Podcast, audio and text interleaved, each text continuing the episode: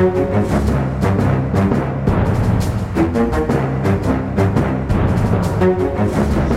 er vi i gang med denne ukens Aftenpodden. Det er torsdag, det er torsdag morgen, og vi er på plass i studio. Et veldig lyst studio her i dag. Sara Sørheim, velkommen. Det er ikke her det er lyst, det er ute det er så utrolig mørkt. Det er godt mulig. Og takk.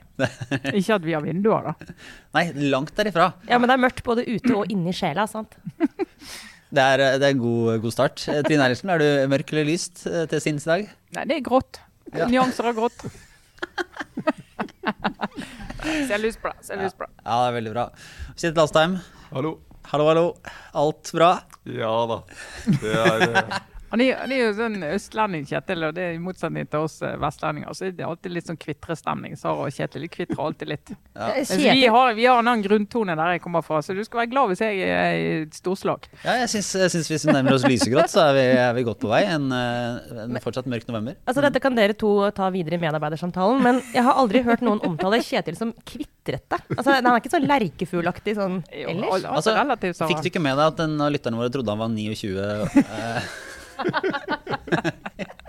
Ok! Jeg bøyer meg for, for folkets dom. Ja. Den ballen tror jeg vi legger død. Ja.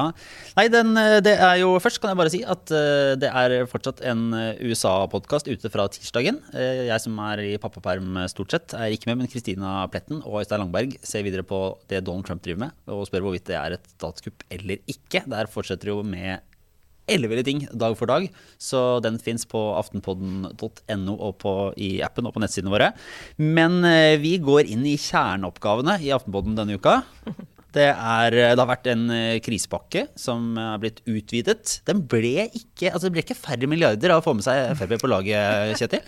Nei, det, det var kanskje ikke så veldig overraskende, men det ble ja, 4,4 milliarder til. Så det, det er jo ganske altså Akkurat nå så blir vi jo helt sånn fartsblinde på de, de pengene. Men eh, det, det er eh, Hvis du ser fremover eh, på hva Finansdepartementet regner med at man får av på en måte nye penger å, å, å leke seg med i statsbudsjettet, så er det omtrent det.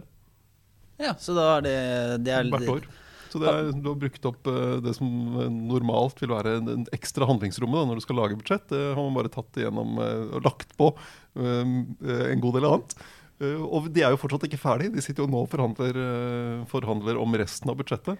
Hvis de får klare å løse ut fire ekstra milliarder der, så skal de være glad. ja, det, det kan fortsatt det. Men det er klart, eh, Frp har jo noen kuttforslag da, som, eh, som vil spare, spare milliarder òg. Med både kutt i kvoteflyktninger og kutt i bistanden. Så Men det jeg er bare for Kristelig Folkeparti å velge unna. Hvis det er ett år du altså, du skal prioritere kvoteflyktninger, er det det året der ingen kan reise noe sted uansett? Du kan jo ikke hente folk fra noe sted, må jo heller ta det neste år. Men er det, det, er- kommer det til å bli en eh, Ligger det an til en mulig regjeringskrise i forbindelse med budsjettet, eller er dette her en god, gammeldags eh, fram og tilbake på bakrommet, vente litt utafor døra for NTB og andre, og så kommer de ut kanskje litt på overtid Altså, med jeg en bare- helt grei enighet? Jeg liker den måten du på en måte har det der håpet i stemmen, Lars, når du sier sånn Ligger det an til en regjeringskrise? Vi er jo blitt bortskjemt med det Ja. Ja, de siste syv årene. Men nå er, vel, nå er vel det håpet Det er vel ja. tynt Krisestemning, ja. Ikke krise, det finnes jo formelle definisjoner på den slags. Men uh, altså, hvis det blir regjeringskrise i år, da mister eh, alle de partiene som er involvert, de mister all, all tiltro, all tillit. Hvis du greier å bruke de neste ukene på å gneke på noen hundre millioner i et statsbudsjett fremfor å eh, løse pandemikrise, da, da kan du bare gå og legge deg. Men eh, jeg lurte på, i, i forbindelse med krisepakka, bare for det, hva er det som er Frp skryter mest av? De skryter av at eh, flypassasjeravgiften er redusert. Det er eh, kutta i noe moms. Og så gis det mer til, noen, eh, til ensomme eldre. Ja da, og så er det, eh, er det en eh, økning av den, eh, altså den kompensasjonsordningen for eh, bedrifter som har eh, stort inntektsfall. Som, eh, som jekkes opp eh, ganske, ganske betydelig. Men er det, er det sånn at opposisjonen på Stortinget, altså den øvrige opposisjonen, er, er veldig imot noe av dette her? Eller er det egentlig ganske sånn altså Er det klar Frp-profil, eller er det egentlig noe alle kunne sagt at ja, dette er gode penger, vi ville bare i utgangspunktet ikke brukt så mye på det, og der vi forstår at vi bruker litt ekstra fordi at blir litt mer på. Norwegian, vel, hvis eh, Nei, altså, eh, Senterpartiet sa jo at de ville bruke dobbelt så mye. Ja, da, ja. Og Arbeiderpartiet har også vært, eh, vært ute med, med mer penger, og også med at det skulle man skulle gi enda uh, mer forutsigbarhet, at ordningene skulle vare lenger utover våren osv. Så, videre. så det er jo ingen som, uh, ingen, ingen som ikke vil, uh, vil hive på ekstramidler her. Det er ikke noe vinnersak, tror jeg. Men no, ja, Norwegian, apropos det, det er jo altså, det er veldig, på, I spørretimen her på onsdag, det å se uh, Trygve Slagsvold Vedum turnere den saken, det Mm. er, det er nesten sånn at man bør gå inn og se på nettspilleren til, uh, til Stortinget. altså se Han stilte jo da opp med Norwegian-slips. Nei. Som en flyvert. Som en flyvert, ja. Og da var det ikke tilbud om kaffe eller te. altså Det var snakk om milliarder av kroner fra statskassen. Eh, og kjører jo ekstremt hardt på, i retorikken på, på det norske. Altså det var en, en, eh, en av de spørsmålene han stilte, der var han sa det er 30 000 norske arbeidsplasser i norsk luftfart. Oi. Og jeg mener det er veldig viktig for norske politikere å være bekymret for norske selskap. Det er det som forundrer meg veldig med den norske statsministeren Erna Solberg, at hun virker ganske ubekymret overfor de norske arbeidsplassene i luftfarten. Og det, og det, det som er interessant, var at Erna Solberg ikke greide å, å svare. fordi det, det eneste Vedum sa, var at hun burde snakke mer med de ansatte. Han hadde ikke noen løsning for selskapet. Mens det Erna Solberg begynte å snakke om, var ja, men hva kan vi gjøre? Her er det noen eiere som har ansvar for det selskapet. Og her har de noen kreditorer som har ansvar for det selskapet. Skal den norske staten norske staten bruke norske skattebetaleres penger og gi dem bort til eh, kinesiske og irske eiere Eierne er jo ikke eh, i noe særlig i, i grad lenger norske. Eller Nei. altså, i hvert fall, det er veldig mange som ikke er det. Hennes poeng var at du risikerer da å putte penger, eller putte penger inn i selskapet, og at de bare forsvinner til eh, kreditorene til Norwegian og utenlandske eiere, og for så vidt norske eiere. Og at du ikke nødvendigvis har sikret en eneste arbeidsplass. Men det argumentet det slår jo ikke gjennom mot den retorikken til Vedum. Og særlig når Vedum han har jo ikke noe svar på hva som skal gjøres. Han har bare det enkle spørsmålet kan du ikke snakke med de ansatte. Og det greide ikke Erna Solberg å takle. Kan jeg bare stille et spørsmål på den altså, hva, hva gir det altså, Det gir jo Senterpartiet et retorisk poeng, da. Og, og Trygve Slagsvold Vedum får jo på en måte vist fram. Men hvor mange var det i salen på det tidspunktet? Ja, det var jeg var der. Denne uken med munnbind! Neste uke skal jeg stille med sånn aluminiumsfoliehatt i tillegg. Og jakke. Ja, men, men altså, eh, det er bare sånn, Hvilken ja, har- uttelling får det? Utenfor på, på Eidsvolls plass så sto jo da ansatte i Norwegian og demonstrerte samtidig. Nettopp, så ja. så det, de greier jo å nå ut til dem, og det er jo og jeg tror, De får spredt det. Altså, de, Det var de, de jo omtaler det. mediesaken etter spørretimen i går. Det var det jo. Og så er det noen ringer i vann. Altså han, ja, kanskje ikke så mange akkurat der, men det som jo er med Vedum, er at han er jo så gjennomført. Han gjør dette alltid, med litt ulike valører på litt ulike saker. Sant? Men han bare banker inn det poenget igjen og igjen og igjen. Og så er det en til og en til og en til som hører det. Så han er jo totalt uh, Altså han, han bare kjører på motorveien. Eh, Der hvor andre ledere, la oss f.eks.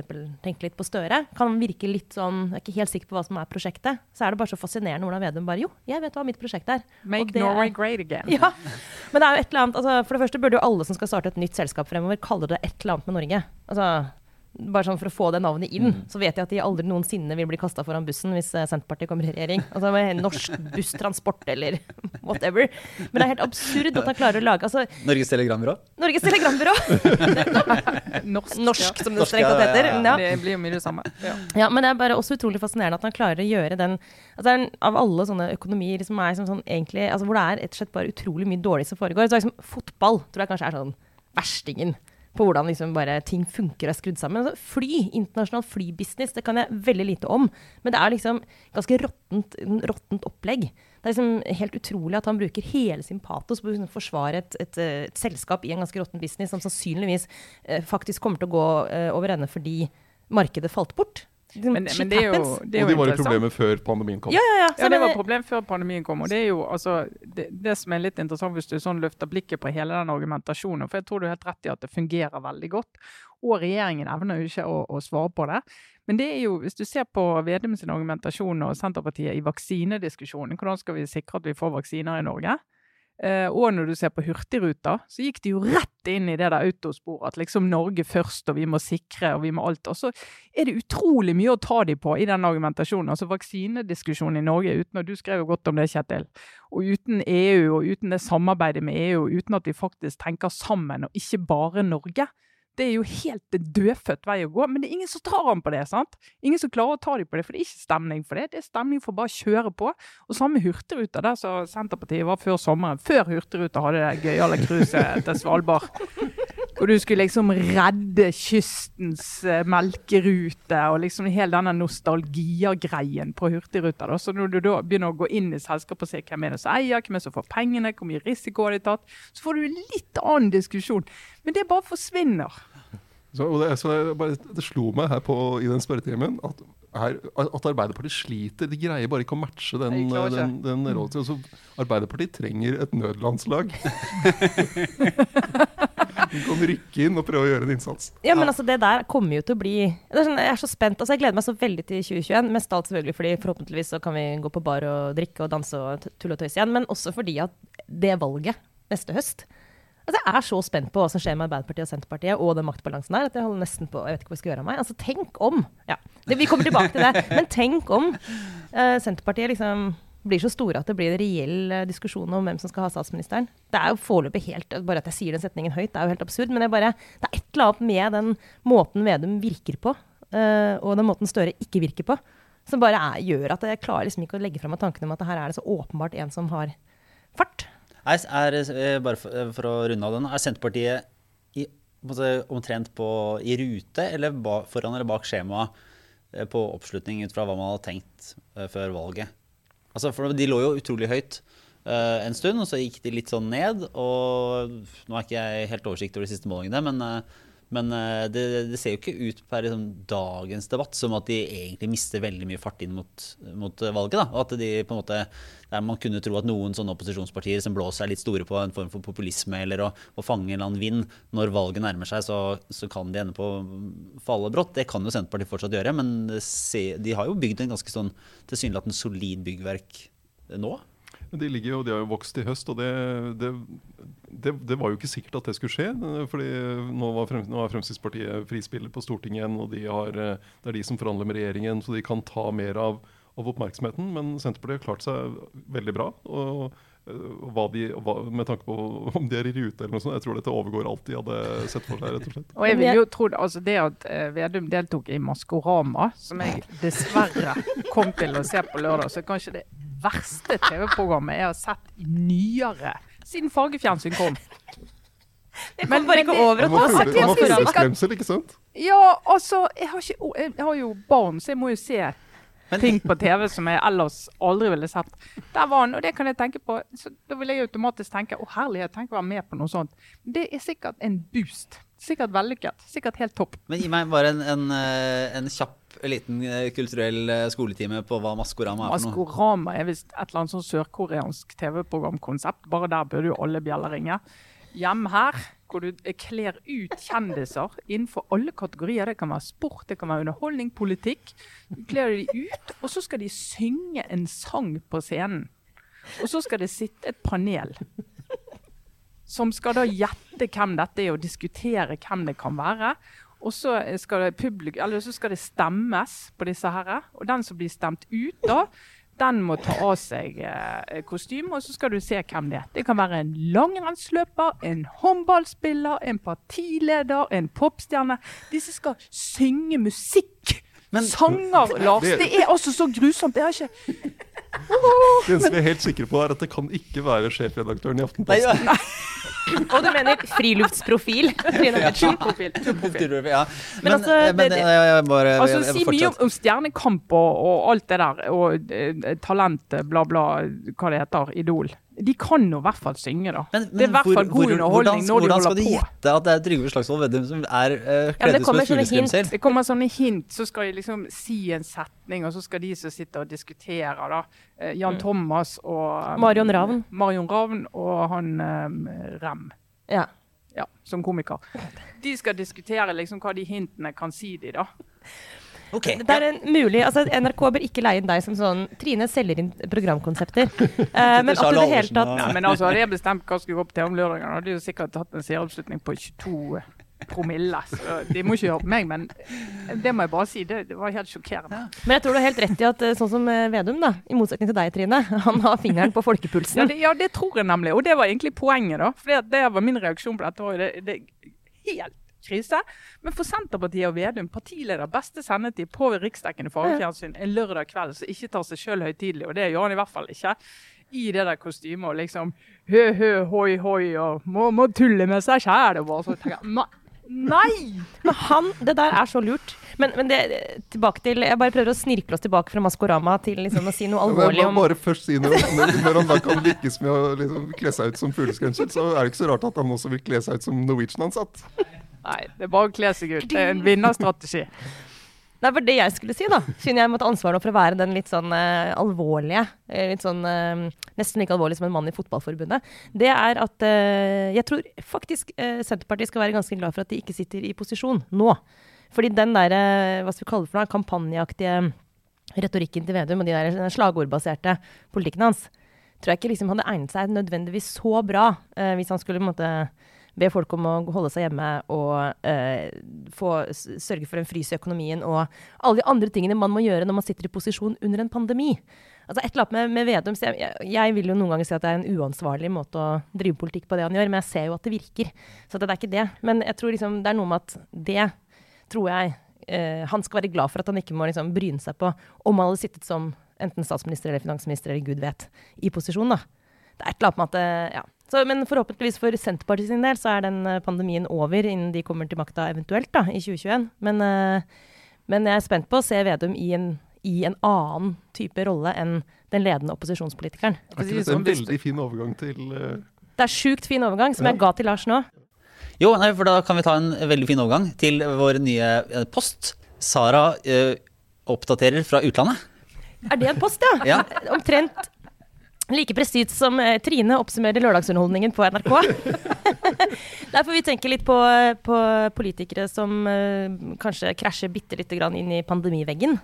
Ja, og så har det vært en Det har jo vært en I, i Aftenpoddens spede barndom så hadde jo jevnlige oppdateringer fra det som skjedde i Storbritannia. Ja. Og så har det vært så mye rart at det har vært umulig å følge med på. Vi har kanskje trengt en et par-tre år på å eh, samle noen tråder, da. Så det har jo du gjort, Sara. Det er jeg veldig takknemlig for. Eh, Ja, tusen takk, Lars. Jeg kan jo prøve å bruke la oss si to og et halvt minutt da, på en sånn liten sånn overskriftsmessig bare sånn ta, La oss ta bare en, en liten kikk, hva er det man pleier å si? Ikke over dammen, for det er vel USA, det, men over kanalen? Nei, altså bort, bort til England. Ja. For der skjer det jo fortsatt Det skjer jo akkurat like mye helt ville ting i britisk politikk. Det er bare at resten av verden også har blitt helt kokos. Det, er liksom, det føles plutselig litt normalt igjen. Men nå, denne uka her har jo vært litt sånn Nå, nå må vi nesten bare liksom dvele litt ved at det er et par ting som har skjedd. Og overskriften er jo egentlig Vi er kvitt tre, minst. Eh, ganske apropos populister. Eh, ekstreme politikere. Eh, hva skal vi kalle dem for noe? Altså, nå skal jeg prøve å være litt velbalansert i ordvalget mitt. Men jeg tror det har vært en god uke for de som er litt mer sånn sentrumsorienterte eh, i politikken i England. Fordi Skal vi ta Toryene først? Ja. Boris Johnson. Boris Johnson, Det går jo ikke så bra med han nå. Altså, apropos det med hva du gjør i møte med en pandemi hvis du er litt slagordpreget. Ja, altså, og han at han, altså, han var jo koronasjuk, ordentlig sjuk. Altså, Og så har han jo måttet havne i isolat igjen fordi han har vært eh, møtt på en eller annen annen syk politiker. Ja, en eh, MP. Han er jo nå da Altså, det som har skjedd, da, er jo at han har sparket For å ta overskriften. Han har jo kvitta seg med de to rådgiverne sine som først og fremst er forbundet med Leave-kampanjen, altså brexit-rådgiverne. Og særlig Dominic Cummings, Cummings, som noen kanskje har hørt om, som jo var visstnok liksom hjernen bak hele brexit-strategien. Som de lagde film om. Som Som, var hovedpersonen i denne filmen uh, som handla om brexit. Spilt av Benedict Cumberbatch. Fantastisk rolleprestasjon. Ja, mm. Oh. Men altså, han eh, Cummings har jo helt åpenbart hatt enormt mye makt. Og så er det alltid vanskelig å vite hvor mye makt disse spinndoktorene egentlig har. For vi særlig i pressen liker jo på en måte å fremstille dem som sånne slags sånne onde mesterhjerner som sitter bak en litt sånn puppet-politiker og bestemmer alt. Og jeg er litt usikker på akkurat liksom maktbalansen der. For han har jo hatt en veldig sterk innflytelse over Boris Johnson og hans politikk. Og nå røyk han på huet og ræva ut av, eh, ut av Downing Street. Men var det nå, Det er veldig farlig da, å begynne å stille spørsmål til eh, sånn korte oppsummeringer. Ja. Men fordi Dominic Cummings han fikk jo en smell her tidligere i år fordi han hadde reist og besøkt eh, om det var kjæresten sin, eller han hadde i hvert fall kjørt rundt Ja. selv om han skulle vært i isolat og bare dreit i de reglene han har vært med på å styre. Ja. Er det derfor han ryker nå? Ja, på en måte. Men først må jeg bare si at jeg har veldig forståelse for, hvis jeg husker at det er riktig, det eh, Cummings gjorde, var at han brøt smittevernreglene og på en måte karantenereglene for å levere barna sine til foreldrene så de kunne være barnevakt. Og jeg må bare si at det har jeg en viss forståelse for. Men nei, det det jo dette, denne striden står om i stor grad, er jo eh, hvordan eh, regjeringen i Storbritannia skal forholde seg til eh, covid-situasjonen. Og Boris Johnson har jo vært veldig motstander av å gå inn i nok en lockdown, og har jo egentlig hatt en sånn slags eh, hva skal vi kalle det for noe, folkens? En sånn jackass-aktig holdning til um, Han setter seg i handlevogna og bare dytter landet utfor bakken. Ja, men altså, det her, her er det jo lett Jeg vet ikke om jeg er litt sånn urettferdig nå, men det er jo lett å trekke noen paralleller her på litt sånne trigger-happy, populistorienterte Jo, menn. men, det, mener jeg at dette året har vist uh, med så tydelig som du kunne ønske deg, svakheten til den lederstilen der, hvor du er litt sånn uh, stor eh, Altså En mann med et uh, greit dimensjonert selvbilde, tror du har alle svarene, klarer ikke ta inn ny informasjon, klarer ikke å gå inn nyansert i noen diskusjoner fordi du har kommet til makten, fordi du er knallhard og tydelig og har liksom alle svarene. Plutselig er det en situasjon der hele løsningen ligger i å kunne håndtere hele tiden ny informasjon, kunne gå etter nye løsninger alt etter så hva du får bekreftet virker. Kunne justere når du ser at ting ikke er. Kunne være ydmyk og si nei, vet du, dette vet jeg ikke. Jeg vet ikke noe om. Men for disse politikerne her, som vi snakker om her, Bolsonaro, Trump, Johnson, Putin, altså hele det der klabbelaget. For de å kunne si det, nei, vet du, dette vet vi ikke nok om. Det tror jeg er en setning som er helt umulig å formulere. Og Det kan være gøy i en valgkamp der du skal mobilisere masse velgere på litt sånn gøyale budskap. Men når du virkelig er i posisjon skal løse et stort problem for et land i en stor krise, så er det helt ødeleggende. Og det mener jeg at det, Boris Johnsons problemer det han har vaset seg inn i nå, er et godt eksempel på. Mm. Og uten at, Jeg tror ikke detaljene heller er kommet helt frem eh, på akkurat det slaget som sto der, men, eh, men eh, det er helt åpenbart at de som på en måte vant da, nå i denne krigen, var de eh, i hans kabinett og i Tory-partiet som, som, som var liksom Nå må vi faktisk gjøre det vi må. Og vi må innse at det kommer til å gå utover to ting. Spesielt, eh, selvfølgelig mye mer, men ja, det kommer til å gå utover økonomien. Altså det er forferdelig skadelig for økonomien å gå inn i lockdown. Uh, og det kommer til uh, dessuten å bryte med det som jo kanskje er Johnsons hvis i det, altså Om han i det hele tatt har noen ideologi, det stilles det jo gode spørsmål ved. Men om han har det, så er jo den i ett ord beskrevet som liksom frihet. Altså Han er en libertarianer. Det er liksom frihet som er hans sånn Vi skal være fri fra alle mulige ting. Uh, så det derre det der illiberale med å pålegge folk disse strenge retningslinjene, det kan jeg forstå. Det kjenner jeg på sjøl, til og med. Det der med sånn, Du får ikke lov til å ha flere enn fem gjester, du får ikke lov til å gå ut. og Det sitter sånn langt inne for han å, å på en måte gå til det skrittet. Men de som har vunnet nå, da, for å si det veldig sånn kort oppsummert, er jo de som har altså, Han har jo nå gått, han har snudd Boris Johnson.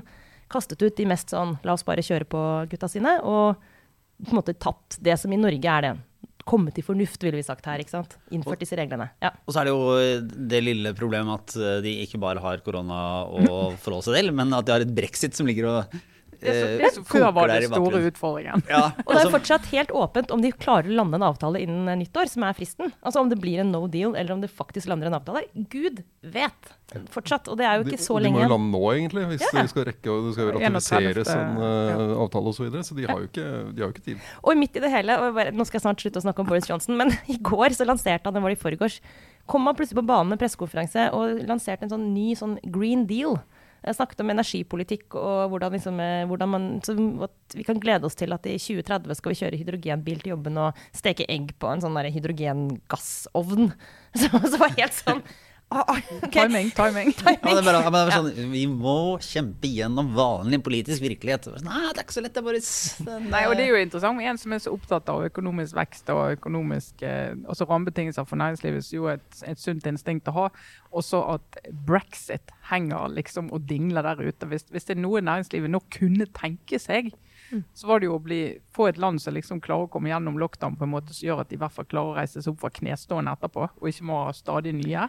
Og kunne få avklaring på forholdet til EU. Og nå leverer han på ingen av delene. Han kan i hvert fall uh, gosse seg, som han sa i, i gamle dager, over skjebnen til sin tidligere rival Jeremy Corbyn. Fordi på Labour-sida så uh, har de jo klart det lille kunststykket å sende ham ut i kulda. Eller han skal sende seg sjøl ut i kulda. Altså akkurat hvordan det, det, er jo sånn en kamp even- om historien, det der òg. Ja. Altså det, det er altså helt uh, Han eh, Keir Starmer, den nye lederen i Labour, har jo klart å også for så vidt eh, Jeg kommer også på paralleller i Norge der, men har jo klart å på en måte håndtere hele situasjonen rundt Corbyn så dårlig at egentlig alle er sure på han, for så vidt. Stakkars mann. Han har jo Men kortversjonen der òg, da. Som er helt Det er jo helt vilt. Altså Corbyn, tidligere leder, han gikk jo av nå i våres, av Labour, er nå så vidt hentet inn igjen. Han har vært suspendert fra partiet i noen uker. eh, etter eh, å ha blitt anklaget for å eh, nærmest være antisemittisk i sine holdninger. I hvert fall ikke ta tak i antisemittisme i partiet. da. Ja. Altså, det konkrete var jo det, hvordan han reagerte på den rapporten som ble laget om uh, antisemittisme i Labour. Der han, uh, uh, han på en måte aksepterte rapporten, men, men mente at dette var overdrevet av uh, Politiske ja, av politiske hensyn. Og det var, det var akkurat det var det, det var det formelle som gjorde at han uh, ble da, Mm. suspendert fra Men den rapporten som kom, slo jo også fast at uh, Labour under hans ledelse uh, ikke har tatt nok tak i uh, underliggende antisemittiske holdninger liksom på venstresiden i partiet. Da. Eh, og så, det er jo ikke han enig i, åpenbart, for han er jo en av de som anklages for å ha Og her er vi over i ganske sånn derre et sånt landskap hvor det er veldig mye retorikk. sant? For det er jo ingen som sier at Corbyn har eh, eller det har faktisk også noen hevdet, men flertallet her sier jo ikke at Corbyn er antisemitt. Men det handler om viljen til å ta tak i den problemstillingen. Og der har han for så vidt tror jeg, fortjent litt kritikk også. Altså, hvilke spørsmål er du opptatt av? Altså, det, Men- kjernen der er jo at, at, at det har vært en hard venstreside og palestinavennlig side Mm. i Labour, som har eh, typisk beveget seg i liksom, gråsonene mellom Israel-kritikk og antisemittisme. Ja. Eh, der den kritikken av Israel har gått inn på en del sånne hva skal man si, eh, karikaturer og andre sånne type karakteristikker som som, eh, som har blitt nå fastslått da, i ifølge denne gruppa som er satt ned, og har beveget seg også inn i antisemittisme og rasisme, og ikke vært en bare politisk kritikk. Og der, der står det en debatt som på en måte foregår i hele verden, egentlig, på, på akkurat hvor de skillelinjene går. da. Men da Corbyn på en måte kom med Keir Starmer i, i forkjøpet da denne rapporten kom, og bare sa sånn Jeg syns denne her er overdrevet av politiske årsaker. Sånn fritt gjenfortalt etter hukommelsen, men at han mente at den kritikken var liksom Ja, det var litt sånn type, typisk sånn eh, woke-aktig. Eh, kommer vi drassende med dette.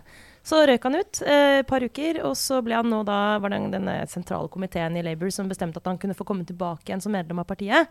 Eh, og det kan ikke partileder eh, Starmer eh, på, altså det, er ikke, det er faktisk ikke han som bestemmer, men det han bestemmer er hvilken rolle Corbyn skal ha i parlamentet. Så i, for alle praktiske formål så er nå Corbyn tilbake i parlamentet som eh, Han får lov til å delta på Labour sine partiarrangementer osv. Men han tilhører ikke nå Labours liksom, parlamentariske grunnlag formelt, og er rett og slett egentlig i praksis en sånn uavhengig representant eh, i, eh, i parlamentet i Storbritannia. Som jo er helt vanvittig. Det er et halvt år siden han var leder av, av Labour. Så ja, det går for seg. Før vi forlater Storbritannia, så bare vende litt tilbake til Dominic Cummings og den, eh, den runden som Sara var innom her med da han brøt reglene for, eh, for karantene og selv, selvisolering. Så dro han opp til Durham i Nord-England. Eh, Og noe av det han, eh, han, ble, han ble sett at han var ute og kjørte opp til Barnard Castle. Mm. og forklaringen hans på dette var at han, han slet litt med øynene, så han skulle teste synet sitt. Ja. før han kjørte tilbake til London. Så han kjørte litt rundt opp til Barnard Castle før han fant ut at ja, dette går fint. Eh, Og da var politiets eh, tilbakemelding var at hvis du har problemer med synet, så går du til en øyelege. Du setter deg ikke i bilen for å teste det selv. Med den siste svingen om Cummings, han er utrolig fascinerende figur. Hvor, eh, altså, det der jeg sa i stad med hvor genial er han egentlig. Men har dere sett det bildet som ble tatt av han nå når han gikk ut av Downing Street? Ja, med, ja, Ja, ikke sant? For det er sånn I mulm og mørke. i mulm og mørke. Altså, det er et bilde nå av Dominic Cummings som kommer ut og bærer på den der forbanna eska. Altså, Se for deg Lehman Brothers i konkurs, de som gikk ut der med sånne esker. Altså, Eneste sånn gang man bruker amerikansk, eh, Når du får sparken-eske. Ja, og det er en sånn eske som man aldri bruker ellers. Men så er det sånn, å, jeg har fått sparken. Og noen, hvis du vil at noen skal ta et bilde av deg hvor det står sånn 'urettferdig sparket av en ond eh, makt', så skaffer du deg en sånn eske. Jeg vet ikke hvor man må gå for å få en sånn. Claes Olsson eller noe. Sånn, har et sånn sparket eh, eske. Ja. Og så går du liksom slukøra ut av døra. Ut av frontdøra liksom, på Downing Street. Altså Det fins helt sikkert garantert andre måter å komme seg ut derfra på enn ut der. Men det bildet ble selvfølgelig tatt, og det brukes jo nå hele tiden. Og det kan ikke være tilfeldig. Uh, det, det sånn ser ut som liksom, han går ut derfra og med verdighet og den forbanna kassa.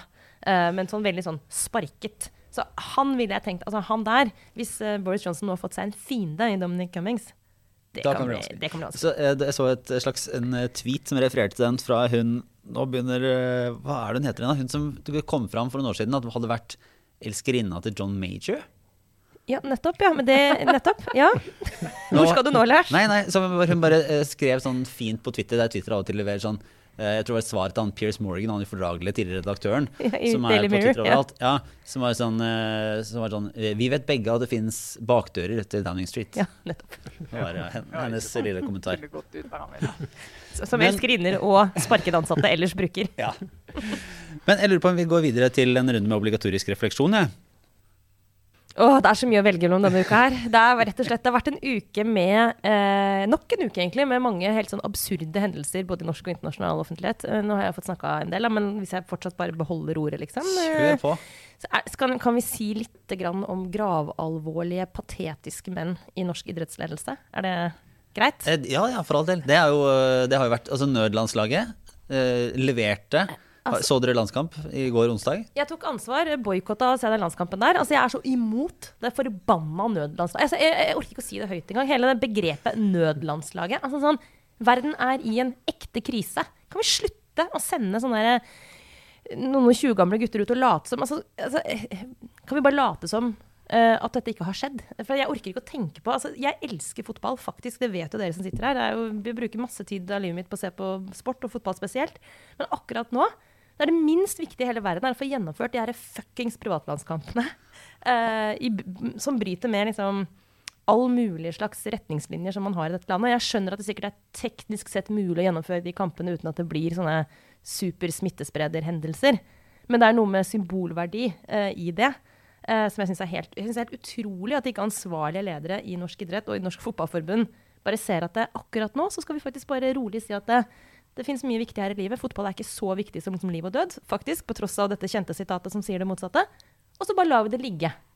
Men der, ja, det Jeg bare her- fatter ja. ikke. Jeg blir Ja, det, altså kan, det kan være. Jeg, privatlandskampen er helt uh, ubrukelig og skulle ikke vært gjennomført. Jeg, hvorvidt det der Nations League-opplegget er en Det er jo ikke en helt privatlandskamp. Det er jo ingen som bryr seg om Nations League. Nei, men det er, ja, øker mulighetene for å komme til VM og allting. Men det, når det skal sies, da, så var det utrolig gøy å se et, et, et landslag der jeg, jeg visste hvem liksom tre stykker var.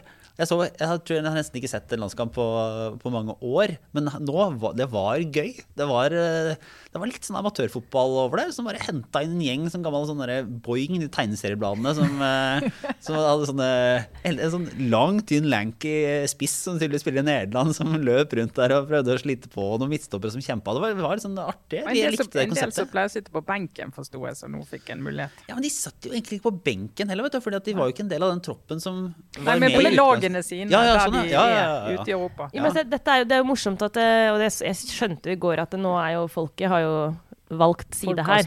Ja, altså Nødlandslaget har blitt den nye jeg, det klarer jeg også å forstå. Men det er bare noe med den derre Jeg, jeg syns det er så utrolig Egentlig en blanding av forferdelig irriterende og også litt sånn der komisk. eh, Med Men- det men der det ser- dødsalvoret. Altså det som er så pinlig, da, for det, altså, det var jo det som skjedde i helgen om at den kampen i Romania til slutt ble ut, uh, avlyst. Eller, for De kan jo ikke utsette, de må jo avlyse. Og så får jo da Norge Da har dere tapt den 3-0. OK. Og så eh, forklarer fotball at nå er Norge det eneste landet av de som vi liker å sammenligne oss med, altså samarbeider med i internasjonal fotball, som gjør dette, og som ikke lar landslaget vårt spille innenfor de reglene vi har blitt enige om. og alt dette her. Og så, men så er det jo, når du da hører argumentasjonen, så kan jeg skjønne, faktisk, selv om jeg syns det var helt absurd på lørdag at det skulle være en debatt om de kunne reise når de har en med smitte på laget. Det er bare helt ubegripelig. Eh, Men så viser det seg at reglene er jo sånn at det som de da er blitt enige om. Ja, det som i utgangspunktet var fotballreglene i Europa. var fotballreglene er- i er- Europa, de er jo sånn. Så det er ikke Mm. sånn at de kommer nå og sier kan vi få et unntak. sant? Det er det som er reglene. Men det er jo den evnen til å forklare det for folk som ikke sitter og har disse reglene på, på fremst i pannen, og det er jo det ni stykker som har. sant? Resten har jo ikke det. Liksom Gå ut og snakke som om fotball er liksom det aller viktigste globalt akkurat nå. Altså De har jo en kommunikasjonsstrategi, så jeg mener altså Hodet under en stein.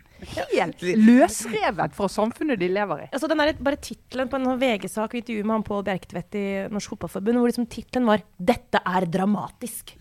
Ja, altså, hva mener det- du? Og det- mener det- du pandemien? Nei, nei, nei. Du mener, å, du mener privatlandskampen mellom Norge og Romania. Å, så veldig dramatisk. Da, det er bare sånn Skjerp deg. Ja, for det, ja, der tror jeg ikke de har så mye å tjene. Eller var det den fine, fine tweeten fra eh, ti, altså, Mini Jacobsen? eh, var satt på Twitter i helga. Jeg så ikke helt tidspunktet. Jeg mistenker at det var litt sånn seint utpå på kvelden natt til lørdag eller søndag. Eh, og sendte en tweet til da eh, kommentator i VG, Leif Welhaven. der han skrev et eller annet sånt eh, ble, du, ble du alltid valgt sist i gymmet? Nei. Som var sånn Wow!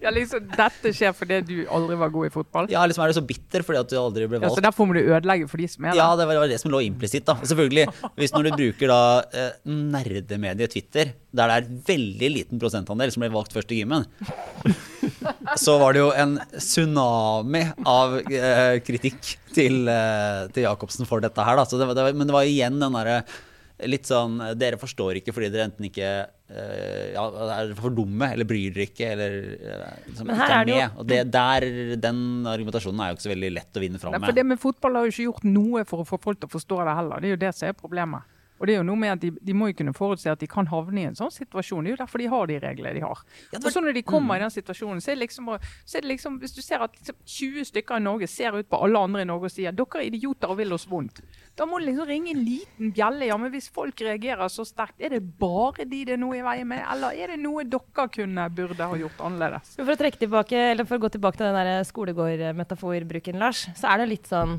Her er det nettopp han som ble valgt først i gym, som for én gangs skyld tapte Ja. mot elevrådslederen. Og det må jeg bare si at det føles som en sånn, heter det på engelsk, poetic justice. Altså sånn Endelig skjedde det som alle vi elevrådsledere har venta på siden ja, barneskolen, strengt Ja, tatt. for det var, altså her, Norge var liksom elevrådet som rakk opp hånda og sa Lærer, lærer. Altså, du har sagt at reglene er at ingen kan gå ut. Ja. Og så Altså- kommer lærer Bent Høie og sier ja, det er det. Ja, Og så kommer han som ble valgt først i gymmet, bare What?! jeg får alltid lov til ja. Ja, jeg får alltid lov til å gjøre det jeg vil. Og så er det sånn, nei, denne gangen får du ikke lov til det. Og du kjenner deg mer igjen i elevrådslederen, eh, Sara? Jeg var, eh, jeg var elevrådsleder på eh, barneskolen, ungdomsskolen, videregående og folkehøgskolen. Jeg har brukt resten av livet mitt på en måte å komme meg videre fra den Hva skal jeg si for Du, noe? du jobber jo med senvirkninger ennå, så du gjør jo det. Ja, så jeg gjør det. Jeg prøver jo veldig å være sånn ikke Altså Det er jo hele grunnen til at jeg er sånn som skal bryte regler og si at jeg vil gå på grottefest og sånn. Det er, som voksen. Det er for å kompensere for at jeg var den evige elevrådsleder som barn og ungdom. sant? Nå har du hentet frem Ja, men jeg din jo at- indre elevrådsleder. Det er akkurat det. Alt det der tøffe seg-greiene forsvinner jo som dugg for sola når jeg ser at elevrådslederne liksom strikes back. Da kjenner jeg Når de igjen kan være på vinnerlaget. Når dere Ja. faktisk Da, det. da blir jeg da heia. Heia liksom eh, å være fornuftig. Ja. Men det er litt sånn gjenganger det der i sportsverden hvis de får en, en hard kommentar mot seg i en avis f.eks. Så er det liksom å si å ja, han kom, journalisten eller den kommentatoren var sikkert dårlig i gym. Sånn, ok. Som jo er verdiskalaen vi vurderer alle på. Som jo mest sannsynlig også er helt sant. Ja. Ja, men, men det er faktisk grunnen til at de er kritiske. For de skal hevne seg.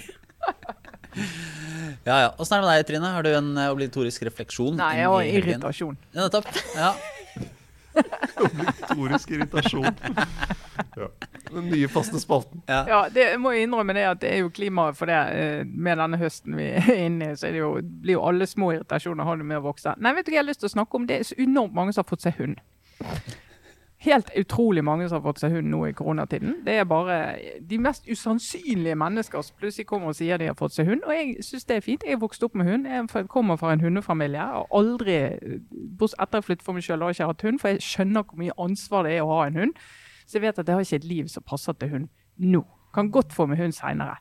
Det var disclaimeren. Jeg liker hunder. Syns de er kule og fine. Men mange, av, mange av de som har hund, det er også så tomt inni vurderingsskapet i hodet. For det er sånn, Du har, du har denne gjengen som går rundt, hunden løs hele tiden. Og så sier du ja, kunne du ta hunden i bånd? Han er så snill! Hunden er så snill! Han bare, bare får hilse på, så går det så bra. Og sier ja, men du, det er en hund, det er dyr med instinkter. Og vi, hvis du har med deg en som f.eks. er redd for hund, så kan du liksom kanskje ta hensyn til det. Noen gode hundefolk de sier tusen takk for at du sa fra. Jeg tar hunden i bånd med en gang. Veldig nyttig at du sier fra. Andre er helt sånn Hvis du ikke liker hund, får du bare gå et annet sted. Og så blir det sånn Er du, er du dum i hodet? Ja, og det er det jo. Og det andre, det er disse, alle disse her som har hund som ikke skjønner at du må gå på dressurkurs. Du må faktisk gå og lære hunden oppføre seg ordentlig. Det er akkurat som unger. liksom. Hvis du skal ha sånn fri barneoppdragelse, så gjør du ungen din til et problem der ute som gjør at han ikke fungerer sosialt. Ingen vil invitere han hjem, ingen vil være sammen med han fordi at han er helt Tarzan. Sånn er det med hund òg. Hvis ikke du lærer hunden din helt sånn grunnleggende hundeoppdragelse, så virker ikke hunden. Og det er skadelig for hunden. Så nå må de som får seg hund, de må lære seg å ha hund. De må gå på kurs, de må lære seg å oppdra hunden sin. Og de må skjønne at hunden er et dyr som har instinkter, som ikke bare kan gå løs. Og det der med 'vår hund er så snill, og han er så glad i barn'. Aldri si det! Skjønn at en hund er et hund. Og for den som møter hunden, som har hørt det 20 ganger 'Vår hund er så snill, og er så glad i barn', så bare sånn Vet du hva, jeg er ikke interessert. Ta hunden i bånd hvis noen ber deg ta hunden i bånd. Og helst ikke gå og Det må jeg bare si, i Oslo ekstremt mange som går med hund uten bånd. Ja. Og det mener jeg er det som er så dumt med det. For som sagt, jeg er glad i hund. Det at du lager en liten front, til og med blant folk som er positive til hunder som meg, med voldsom irritasjon og aggresjon mot de der som går og innbiller seg at de har sånn tankeleserforhold til hunden sin som gjør at de kan ha kontroll på en hund som ikke er i bånd, bare fordi at det har gått bra de siste to årene. Plutselig går det ikke bra. Og så er det interessant også er de hundeeierne som ikke har barn. Altså det derre skismaet mellom hundeeiere eh, uten barn og eh, barneforeldre uten hund. Der er det, det, er, eh, det, det er ikke helt bra. Det kan jeg bare si. Der skjer det det, det har skjedd opptil flere, flere episoder i gata vår med små hunder som har bitt etter små barn. Altså, hvor liksom det blir en sånn Hvem har mest verdi her, hunden eller barnet? Ja, liksom, ja, men han biter ikke hardt. Nei, han bare, napper, han bare napper litt. Ja, men skjønner du at dette er dette barnets første møte med hunden, eller dette er liksom det inntrykket han har? Nei, så eh, hundefolk elsker hund, kommer til å få med hund en dag, men vet du hva, ta dere på tak, mange Den bikkja får ikke mye fri, for å si det sånn, som du skal få deg en gang. Nei, men vet du, Av hensyn til den hunden, og til alle hundefolk, så oppdra de av hundene. Gjør det. Det er, det, er, det, er, det er veldig spennende også med sånne koronahunder som aldri har møtt andre mennesker enn familien sin. Men eh, dette tar vi Ja, også, også ikke vant til å være alene hjemme Ja. Når plutselig alle skal tilbake på jobb, så skal disse hundene da Jeg liker det her å bli eh, psykotiske alle sammen. vet du. minefelt vi er inne i nå. Ja, dette er mine felt. Jeg kommer til å pådra meg interessante reaksjoner. Jeg er helt sikker på. Jeg gleder Ja. meg. Ja, du kommer til å få den reaksjonen som en del av de hundeeierne kommer med. At ja, men eh, hvis man, hvis man sier 'kan du ta hunden i bånd', så sier de ja, men du må, bare, du må jo lære barna dine til å synes at det er hyggelig med hunder. Ja, Det er viktig for barna. Det er ikke de som har et problem og med at de ikke har kontroll på og hunden. det gjør jeg. Og de syns det er hyggelig med hund. Men uh, det er ikke det som er poenget. Folk må ta ansvar for at de har dyr. Eh, hvordan er det med deg, Kjetil? Er det irritasjon? Eh, Jeg kan ikke toppe den, tror jeg. Nei, eh, da tror jeg kanskje jeg bare tar en bitte liten anbefaling. jeg. Hvis man trenger noe å høre på en, en, en episode av en podkast fra BBC Outlook, som er fra ja, i vår en gang, tror jeg, som heter My Soldier Dad's Goodbye Tape. Oi. Som er eh, en, eh, en dame på ja, sikkert oppe i 40-50-åra nå, som eh, ja, må være rundt 50, eh, som forteller om hennes far, som da ble sendt til, eh, som amerikansk soldat til eh, Vietnam. Og så var han der, og, og så spilte han inn kassetter som han sendte hjem til, eh, til kona og, hun, og ungene, som var små den gangen. Der han fortalte fra, fra hva han opplevde og hvordan han hadde det. Og så, og så lyttet hun til de kassettene mange mange år senere. Så de har lagd en episode om, øh, om, øh, om det, og der hun forteller om øh, øh, ja, hvordan det var å høre, høre det, og forteller historien. Eh, og der de har klipp fra kassetten, og den siste kassetten han spilte inn før det da var et bombeangrep mot hotellet han bodde på i Saigon, og aldri kom hjem i live. Så den er Gåsehud. Uh, mm. verdt å høre på. Hæ, Jeg skal egentlig da Det er, det her er mer en, eh, hva skal jeg si, engasjement og glede enn irritasjon. Men eh, NRK hadde en fantastisk liten sak om Erna Solberg 2.0. Altså, eh, det, det finnes en annen dame eh, som heter Erna Solberg, som er en helsearbeider på Gjøvik og ikke statsminister i Norge. Og eh, hun, stakkars Erna Solberg på Gjøvik, har jo da mottatt masse eh, tyn og eh, hets og trakassering fra eh, sånne idioter som da ikke skjønner at Erna Solberg, statsministeren, ikke har nummeret sitt liggende på gule sider eller hva det måtte være. da. nettopp ja. Ikke bo på Gjøvik. Ikke bo på Gjøvik. Det er også, eh, det er også noen som, eh, som eh, det, Jeg har ikke helt fulgt med på akkurat den der. Så eh, Erna Solberg forteller da eh, 2.0 av Gjøvik-versjonen forteller om, om dette her hos NRK i en veldig veldig fin eh, sak. eh, selv om det, altså, det er jo alvorlige saker, dette her. Men det er to veldig fine detaljer i det. En er at Erna Solberg på Gjøvik nå det har gått så langt at hun må bytte navn. Har valgt å folkeregistrere seg med et nytt navn. Så Hva, hva er det nye navnet? det Altså, har du lyst til å gjette? Har du lest saken? Nei. Jeg har ikke lest den, så overskriften. Ja. Nei, altså, dere kommer ikke til å gjette det. Fordi hun skal da hete Lagerta What? Lagerta Solberg. Som uh, visstnok er et gammelt navn, og et av navnene i serien Vikings. Ja, stemmer det. Så Sjeldent. Sjeldent, vil jeg anta. Ja, Men er det for, forgjengeren til navnet Erna, eller er det noe som helst altså, Det kom de ikke inn på. Nei, OK. Lagerta. Men, men eh, flott, flott navn. Eh, Bra, jeg ønsker henne alt godt. Den andre lille tingen da, som var veldig fin der, er at Erna Solberg, statsministeren, kommenterte dette her og syntes det åpenbart det var trist at noen skulle få unngjelde, og at ingen fortjener den type trakassering. Uh, og ble spurt da også om hun på noe tidspunkt hadde tenkt at hun ønsket seg et annet navn. eller noe. Og da sa hun at da hun var liten, så hadde hun ønska seg et litt mer spesielt navn. Så hun på en måte Litt mer kalte seg spesielt navn. Ja. så hun kalte seg eh, Erna Therese Natasha. Nei, nei, nei. nei. Og spørsmålet her blir jo er det egentlig rettferdig at denne helsearbeideren på Gjøvik må skifte navn pga. at Erna Solberg er blitt statsminister? Og du mener at det er Erna Eller er det Solberg? Erna Solberg, statsministeren, som burde skifte. skiftet navn Til Natasha. Natasha? Men altså, er ikke det en sånn Åge Aleksandersen-låt? eller noe sånt? Jeg ble kalt for Sasha Natasha i deler av oppveksten. Kan jeg fortelle? Jeg følte ikke at det var et kompliment, eller jeg drømte ikke om at det skulle bli mitt ekte navn. Men ja, Som elevrådsleder, var det. det var mer den andre siden av meg. Men uh, Erna Therese Natasha Ja, det, Det var altså det, lille, altså, skal si, det barndommens fantasinavn hos Erna Solberg. da, Som var en fin liten uh, detalj, syns jeg. Men det er sånne hun har jo. Erna Solberg har jo også gitt seg selv et annet navn underveis. Da hun ble spurt av P3 om hvilket navn hun ville hatt som artist i- hvis hun var i pornobransjen. Cute. Og hun svarte Myk Mama. Ja. Erna Solberg, Uh, en fantastisk evne til å bare svare på spørsmål. Det skal hun ha. Gi deg aldri med det, Erna Solberg. Nei, det aldri. setter vi pris på. Og særlig ikke i disse tider som jo er mørke og triste og svarte og alt det der. Så er det dette her også en viktig rolle for journalistikken. Vi skal aldri glemme at eh, oss, altså, vi må aldri slutte å lage sånne saker som navnesøsteren til statsministeren. Det er vår oppgave å stille spørsmål. Ja. Nettopp. Eh, og også den, den, lille, den lille saken i, i den store verden må vi aldri glemme å lage. Det er jo rett og slett eh, det er bare en, en drømmesak. Ja.